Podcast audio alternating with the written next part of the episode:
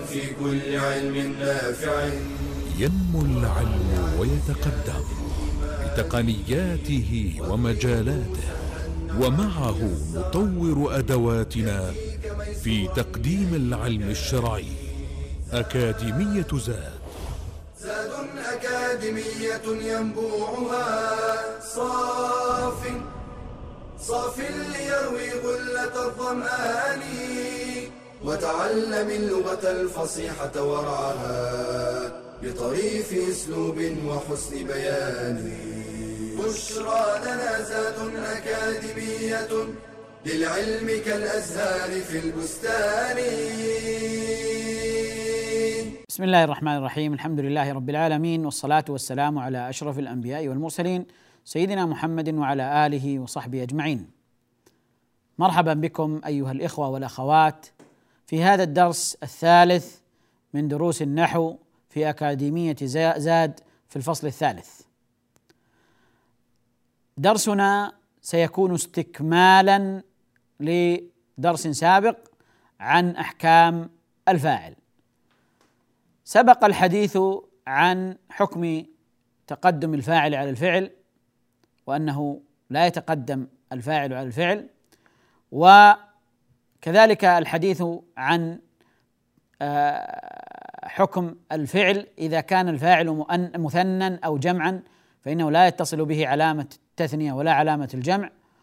وأيضا سبق الحديث عن أحكام تأنيث الفعل إذا كان الفاعل مؤنثا.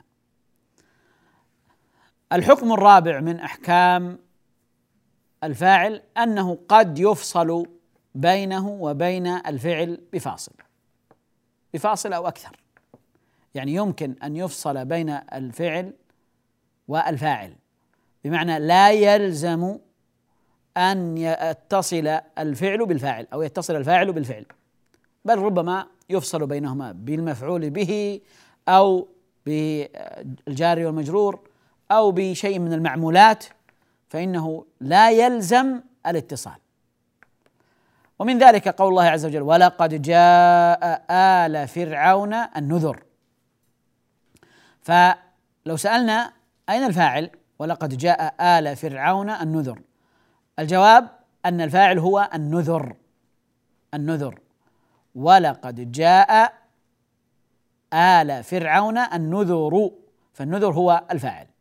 وهنا فصل بين الفعل والفاعل. الحكم الخامس هو حذف الفعل. حذف الفعل. بمعنى أن الفاعل يبقى في الكلام والفعل الذي رفعه محذوف. إذا دل عليه دليل. كما لو قلت لك من جاء سألتك قلت من جاء فتقول زيد. التقدير جاء زيد. التقدير جاء زيد. فيكون زيد هنا فاعل لفعل محذوف وهذا جائز. يجوز أن أقول جاء زيد ويجوز أن أقول زيد. لماذا؟ لأنه دل عليه دليل في السؤال. هناك دليل عليه أنه من جاء؟ فتقول زيد. فأنا أعلم وأنا المخاطب الآن بقول بقولك زيد أعلم أنك تقصد جاء زيد. فهنا دل عليه دليل فيجوز حذف الفعل إذا دل عليه الدليل. طيب. كذلك أيضا يحذف الفعل أحيانا وجوبا كما في قول الله عز وجل وإن أحد من المشركين استجارك فاجره وإن أحد فهنا إن الشرطية جاء بعدها أحد وهو اسم فأين فعل الشرط؟ فعل الشرط هنا مقدر. والتقدير وإن استجارك أحد من المشركين. وإن استجارك أحد. فهنا حذف الفعل وهذا الحذف واجب وقد جاء في الكلام ما يدل عليه. وإن أحد من المشركين استجارك فأجر. فهنا حذف الفعل وبقي الفاعل وبقي الفاعل. الحكم السادس الحكم السادس من أحكام الفاعل هو تقدم المفعول على الفاعل تقدم المفعول به على الفاعل وتقدم الفاعل على المفعول. يعني إذا اجتمع في الجملة فاعل ومفعول به. فما هو الترتيب لأركان الجملة؟ لدينا فعل ولدينا فاعل ولدينا مفعول به. فهل يجب أن نأتي بالفعل ثم الفاعل ثم المفعول به على الترتيب المعروف المعهود؟ الجواب أن لهذا أحوال. فقد يجب تقدم الفاعل وتأخير المفعول به. ونلتزم بالترتيب. فعل ثم فاعل ثم مفعول به. قد يجب هذا. وقد يجب توسط المفعول به بين الفعل والفاعل. يعني تقديم المفعول به على الفاعل. قد يجب. في أحوال يجب فيها تقدم المفعول به على الفاعل. وهناك حالات يجوز. يجوز. يعني حينما أقول مثلا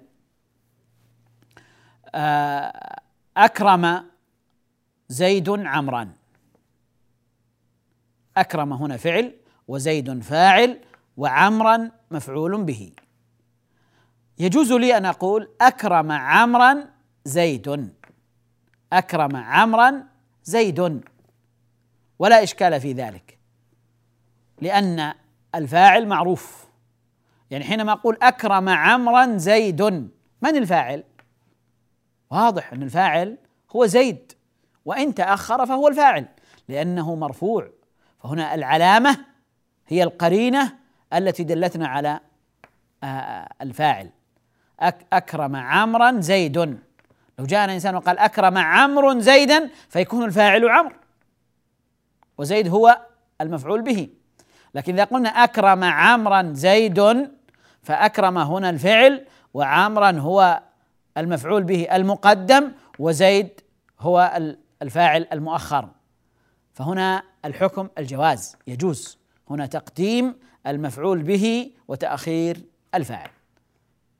والأصل هو تقديم الفاعل. الأصل هو تقديم الفاعل.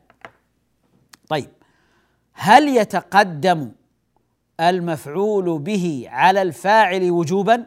يعني هل يأتي في حالات أن المفعول به الذي هو في الأصل مؤخر أن يجب أن يتقدم على الفاعل؟ الجواب نعم. هناك حالات يجب فيها تقدم المفعول به على الفاعل. ما هي هذه الحالات؟ هذه الحالات سنعرفها إن شاء الله ونتدارسها بعد هذا الفاصل. بشرى لنا أكاديمية للعلم كالأزهار في البستان.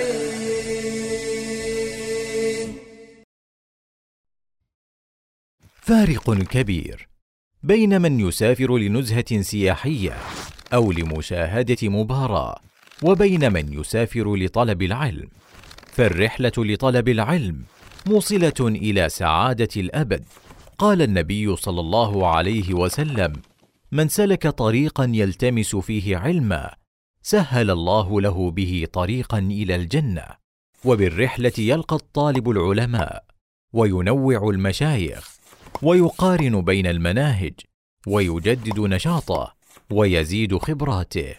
قال الشعبي لو أن رجلا سافر من أقصى الشام إلى أقصى اليمن فحفظ كلمة تنفعه رأيت أن سفره لا يضيع وهل من شيء أشرف من العلم يرحل في طلبه وقد رحل موسى عليه السلام في ذلك رحلة شاقة. وإذ قال موسى لفتاه لا أبرح حتى أبلغ مجمع البحرين أو أمضي حقبا. ورحل الصحابة والعلماء من بعدهم في طلب العلم المسافات حتى سافر بعضهم شهرا في طلب حديث واحد وقطع بعضهم في طلبه أكثر من خمسة آلاف كيلو. سيرا على قدميه. فإن عجزت عن الرحلة في طلب العلم فلا أقل من التعلم عبر الشبكات والشاشات قال النبي صلى الله عليه وسلم. سددوا وقاربوا والقصد القصد تبلغوا. بشرى لنا أكاديمية للعلم كالأزهار في البستان. بسم الله الرحمن الرحيم. أشرنا أيها الإخوة والأخوات قبل الفاصل إلى آه، حكم تقدم المفعول به على الفاعل. قد يتقدم المفعول به على الفاعل ويكون ذلك واجبا. اذا السؤال هو متى يتقدم المفعول به على الفاعل وجوبا؟ يتقدم المفعول به على الفاعل وجوبا ونخالف الترتيب نخالف الترتيب المعروف فنقدم المفعول به على الفاعل إذا في في ثلاث حالات. الحال الأولى إذا كان الفاعل محصورا بإنما أو إلا. ما معنى هذا؟ يعني إذا كان في الكلام إنما التي تدل على الحصر وكان المحصور هو الفاعل كان الحصر في الفاعل. فهنا نؤخر الفاعل ونقدم المفعول به لأن المحصور يتأخر دائما يتأخر دائما. فإذا كان الفاعل محصورا بإنما أو بإلا فإنه يؤخر ويجب تقديم المفعول به. ما مثال ذلك؟ مثاله قول الله عز وجل إنما يخشى الله من عباده العلماء. إنما يخشى الله من عباده العلماء. هنا الفعل يخشى وهو فعل مضارع. أين الفاعل؟ الفاعل العلماء لأنهم هم الذين يخشون. ولفظ الجلالة مفعول به منصوب. وهو مقدم. لأن المعنى كأن المعنى أنه لا يخشى الله حق الخشية إلا العلماء. إلا العلماء. إنما يخشى الله من عباده العلماء. فهنا حصر المعنى حصر الخشية حصر الخشية في العلماء. الخشية محصورة في العلماء. فالعلماء فاعل وهو محصور بإنما. فهنا يجب تأخر الفاعل ويجب تقدم المفعول به. إنما يخشى الله من عباده العلماء. لو قال قائل في غير القرآن إنما يخشى العلماء الله. فهل المعنى واحد؟ الجواب لا. هنا المحصور هو المفعول به لفظ الجلالة. والمعنى مختلف. حينما أقول إنما يخشى العلماء الله يعني أن العلماء لا يخشون إلا الله. أن العلماء لا يخشون إلا الله. وكلاهما معنى صحيح. لكن إذا قلت إنما يخشى الله من عباده العلماء يعني لا يخشى الله حق الخشية إلا العلماء. وإذا قلت إنما يخشى العلماء الله فمعنى ذلك أنه آه، أن العلماء لا يخشون إلا الله. فاذا المحصور هو المتأخر. المتأخر هو الذي يكون محصورا. فإذا كان الفاعل محصورا فإنه يتأخر ويتقدم المفعول به ويتقدم المفعول به. وهذا التقدم واجب واجب لأن من ضرورة الحصر تأخر المحصور تأخر المحصور. وحينما أقول لا ينفعني إلا العلم لا ينفعني إلا العلم لا ينفعني أو لا ينفع الإنسان لا ينفع الإنسان إلا العلم. فهنا معنى الكلام أن نفع الإنسان محصور في ماذا؟ في العلم محصور في العلم. فإذا العلم هنا هو المحصور وهو الفاعل فأخر وتقدم المفعول به. فهنا يجب تقدم المفعول به يجب تقدم المفعول به وتأخر الفاعل. الحال الثانية التي يجب فيها تقدم المفعول به وتأخر الفاعل إذا كان المفعول به ضميرا متصلا والفاعل اسم ظاهر. يعني إذا كان الفاعل اسما ظاهرا والمفعول به ضمير متصل لابد أن يتصل بالفعل. فإذا يتقدم المفعول به هنا ويتأخر الفاعل ويتأخر الفاعل. حينما أقول أكرمك أخوك أكرمك أخوك. أين الفاعل؟ من الذي أكرم؟ من المكرم؟ من الذي قام بالإكرام؟ من هو الفاعل؟ الفاعل أخوك. طيب أخوك. فاعل مرفوع أخوك فاعل مرفوع وعلامة رفعه ماذا؟ وعلامة رفعه الواو لأنه من الأسماء الخمسة التي سبق الحديث عنها في الفصل الماضي فإنها ترفع بالواو. اذا أكرمك أخوك. طيب والكاف؟ الكاف ضمير متصل مبني في محل نصب مفعول به. اذا هنا تقدم المفعول به وتأخر الفاعل. وحكم هذا التأخر للفاعل والتقدم وتقديم المفعول به حكمه واجب. حكمه واجب. إذا هذه هي الحالة الثانية. إذا كان الفاء المفعول به إذا كان المفعول به ضميرا متصلا والفاعل اسم ظاهر. فهنا يجب تأخر الفاعل ويجب تقدم المفعول به. الحالة الثالثة إذا اتصل بالفاعل ضمير يعود على المفعول به. يعني عندنا الجملة فيها فعل وفيها مفعول به وفيها فاعل وهذا الفاعل اتصل به ضمير يعود على المفعول به. ما مثال ذلك؟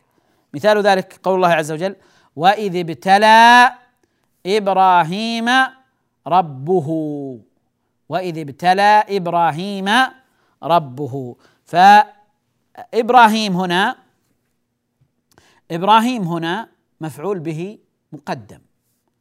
ورب هذا فاعل مرفوع. طيب ما حكم تقدم المفعول به على الفاعل؟ الحكم هنا واجب. لماذا؟ لأن الفاعل اتصل به ضمير ربه. اتصل به الضمير ربه. هذا الضمير يعود على المفعول به الذي هو إبراهيم. الذي هو إبراهيم. إذ ابتلى إبراهيم ربه. فالهاء هنا في ربه التي اتصلت بالفاعل هي ضمير تعود على يعود على ضمير يعود على المفعول به. طيب لماذا يجب؟ لأننا لو أخرنا المفعول به لو أخرنا المفعول به فإن الضمير سيعود على متأخر لفظا وفي الرتبة لفظا ورتبة. لو قدمنا الفاعل الذي اتصل به الضمير قلنا مثلا في غير القرآن ابتلى ربه إبراهيم. ابتلى. ابتلى ربه إبراهيم. الهاء هنا في ربه ستعود على إبراهيم وإبراهيم متأخر. الأصل أن الضمير يعود على متقدم. الضمير يعود على متقدم. فهنا وجب تقدم المفعول به وتأخر الفاعل لأن الفاعل اشتمل على ضمير عائد على المفعول به. فيجب تقدم المفعول به حتى يعود الضمير على متقدم لفظا على متقدم لفظا. اذا هذه الحالات الثلاث التي يجب فيها تقدم المفعول به على الفاعل. الحاله الأولى أن يكون الفاعل محصورا بإنما أو بإلا وهنا يجب تأخر الفاعل لأنه محصور. والحالة الثانية إذا كان الفاعل اسما ظاهرا والمفعول به ضميرا متصلا بالفعل ضميرا متصلا فإنه يتصل بالفعل وعليه فيتقدم المفعول به ويتأخر ويتأخر الفاعل. الحالة الثالثة إذا اشتمل الفاعل على ضمير يعود على المفعول به فيجب أن أقدم المفعول به حتى يعود الضمير على متقدم ولا يعود على متأخر في اللفظ وفي الرتبة. آه اذا أيها الإخوة هذه أحكام تقدم المفعول به على الفاعل أو أحوال تقدم هذه أحوال تقدم المفعول به على الفاعل وجوبا. ما بعده يكون الحديث عن تقدم الفاعل وتأخر المفعول به وجوبا. يعني يجب أن يتأخر المفعول به. اذا الحاله الأولى الحاله الأولى الجواز يجوز الوجهان. تقدم الفاعل وتأخر المفعول به أو تقدم المفعول به وتأخر الفاعل. الحالة الثانية التي تحدثنا عنها الآن وهي وجوب تقدم المفعول به وتأخر الفاعل. هنا ما سنتحدث عنه الآن هو تقدم الفاعل وتأخر المفعول به وجوبا. متى يكون ذلك؟ يكون في ثلاث حالات نذكرها بعد الفاصل إن شاء الله. بشرى لنا أكاديمية للعلم كالأزهار في البستان.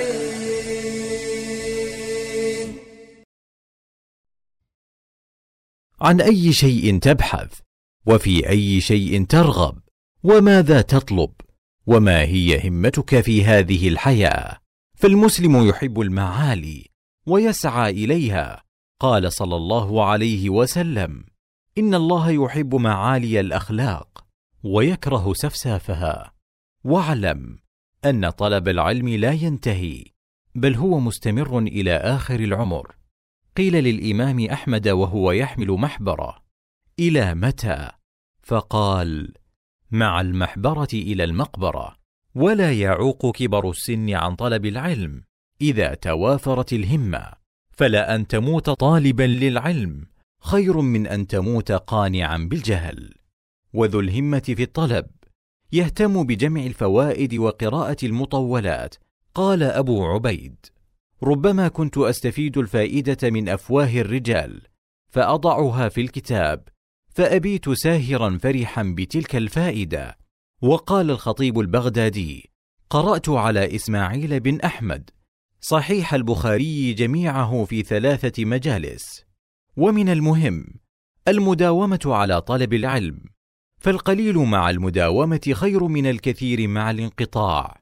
قال عكرمة طلبت العلم أربعين سنة وقال أبو العباس النحوي ما فقدت إبراهيم الحربي من مجلس لغة من خمسين سنة. فاطرح عنك الكسل واحرص على دراسة العلم وإحسان العمل. قال تعالى والذين جاهدوا فينا لنهدينهم سبلنا وإن الله لمع المحسنين.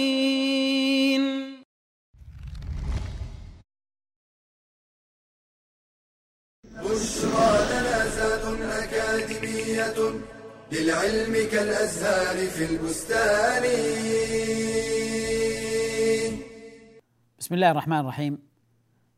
أشرنا قبل الفاصل أيها الإخوة والأخوات إلى الحديث عن آه، تقدم الفاعل وتأخر المفعول به وجوبا. متى يكون ذلك؟ متى يكون تأخر المفعول به وتقدم الفاعل واجب؟ واجبا.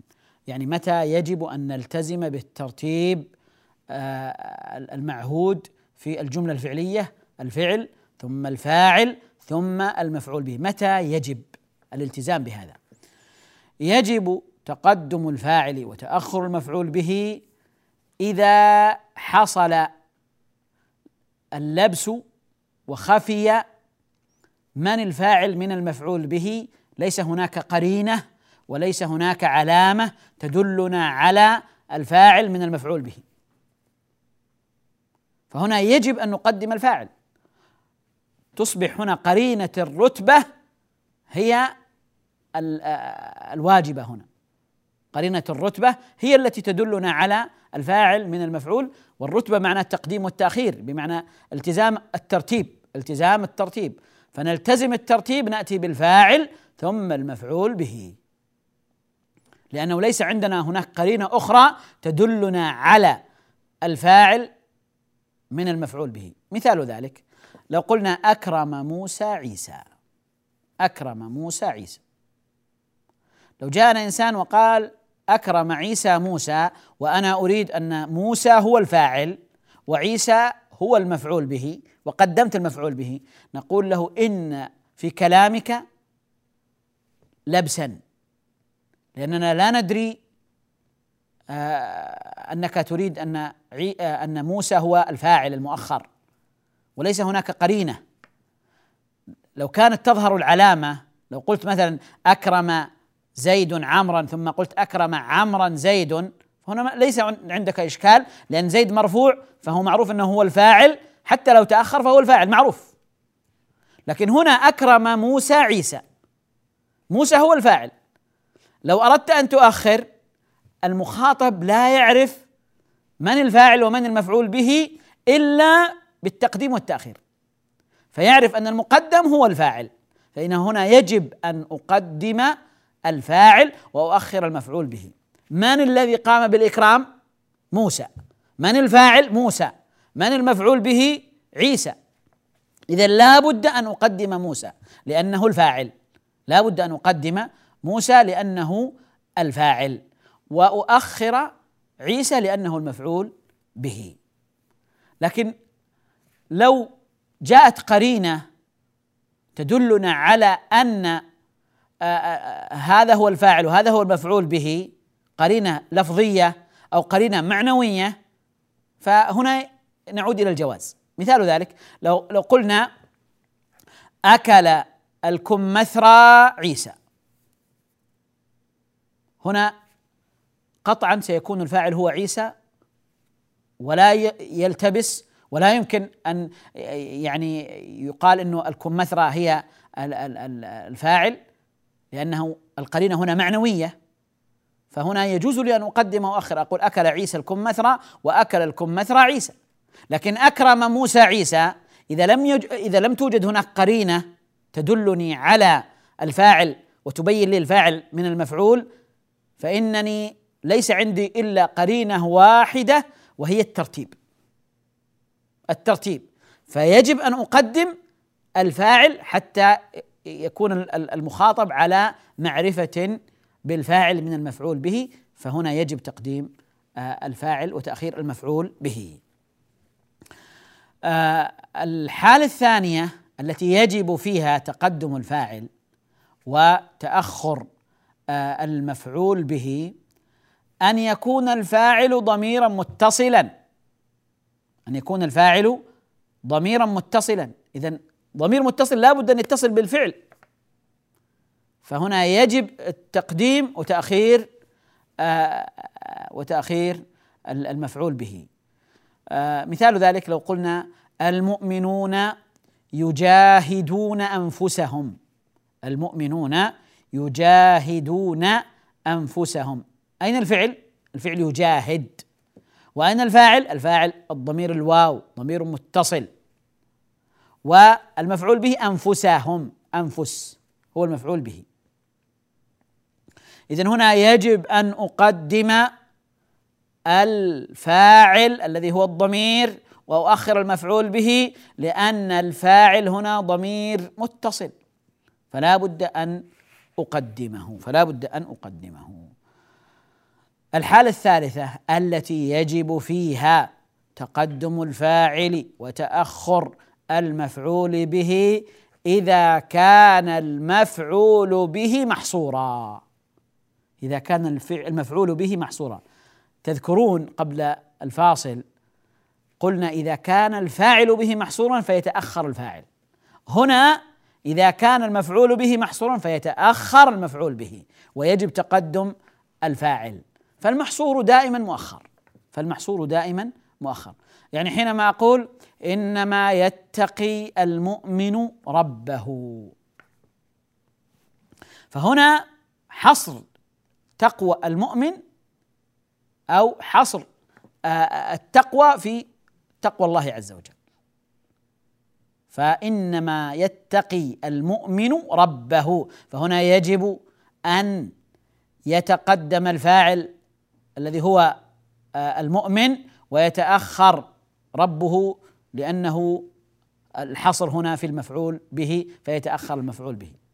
لا يجوز أن أقول إنما يتقي ربه المؤمن إلا على معنى الحصر في الفاعل. إذا كنت أردت أنه لا يتقي الله عز وجل إلا المؤمن فأقول إنما يتقي ربه المؤمن. إنما يتقي ربه المؤمن وهذا جائز. لكن المعنى مختلف. لأن الحصر هنا في الفاعل. الحصر هنا في الفاعل فيتأخر الفاعل ويكون هذا التأخر واجب كما ذكرنا قبل الفاصل. إذا كان الفاعل محصورا فيتأخر. أما إذا كان الحصر على المفعول به في المفعول به فيتأخر المفعول به. فأقول إنما يتقي المؤمن ربه إنما يتقي المؤمن ربه. وكذلك حينما أقول ما ينشد المؤمن إلا الحق ما ينشد المؤمن إلا الحق. فهنا آه، المحصور بإلا هو المفعول به فيجب أن يتأخر المفعول به ويتقدم الفاعل ويتقدم الفاعل فأقول ما ينشد المؤمن إلا الحق إلا الحق. وإن كان جاز بعضهم أن يقال ما ينشد إلا الحق المؤمن ولكن الأصل أنه أن آه، آه، المفعول به هنا يؤخر فنقول ما ينشد المؤمن إلا الحق. فيجب تأخر المفعول به لأنه هو المحصور هو آه، المحصور. فإذا متى يجب تقدم الفاعل؟ يعني الالتزام بالرتبة الالتزام بالترتيب المعروف تقدم الفاعل وتأخر المفعول به. متى يجب؟ يجب في ثلاث حالات. إذا آه، خفي آه، عندنا الفاعل من المفعول به وليست هناك قرينة تدلنا على الفاعل المفعول به فيجب أن أقدم الفاعل وأن ألتزم الترتيب. الحالة الثانية إذا كان الفاعل ضميرا متصلا الحالة الثالثة إذا كان المفعول به محصورا فيتأخر المفعول به ويتقدم الفاعل. بهذا نكون أيها الإخوة قد أتينا على أحكام الفاعل في ثلاثة دروس أسأل الله عز وجل أن يوفقنا للعلم النافع والعمل الصالح. إنه ولي ذلك والقادر عليه. وإلى أن نلتقي في درس قادم. أستودعكم الله. والسلام عليكم ورحمة الله وبركاته. يا راغبا في كل علم نافع متطلعا لزيادة الإيمان وتريد سهلا النوال ميسرا. يأتيك ميسورا بأي مكان.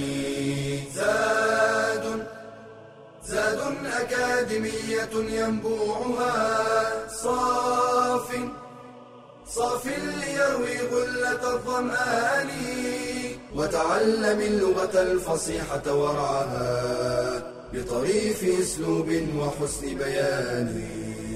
بشرى لنا زاد أكاديمية للعلم كالأزهار في البستان.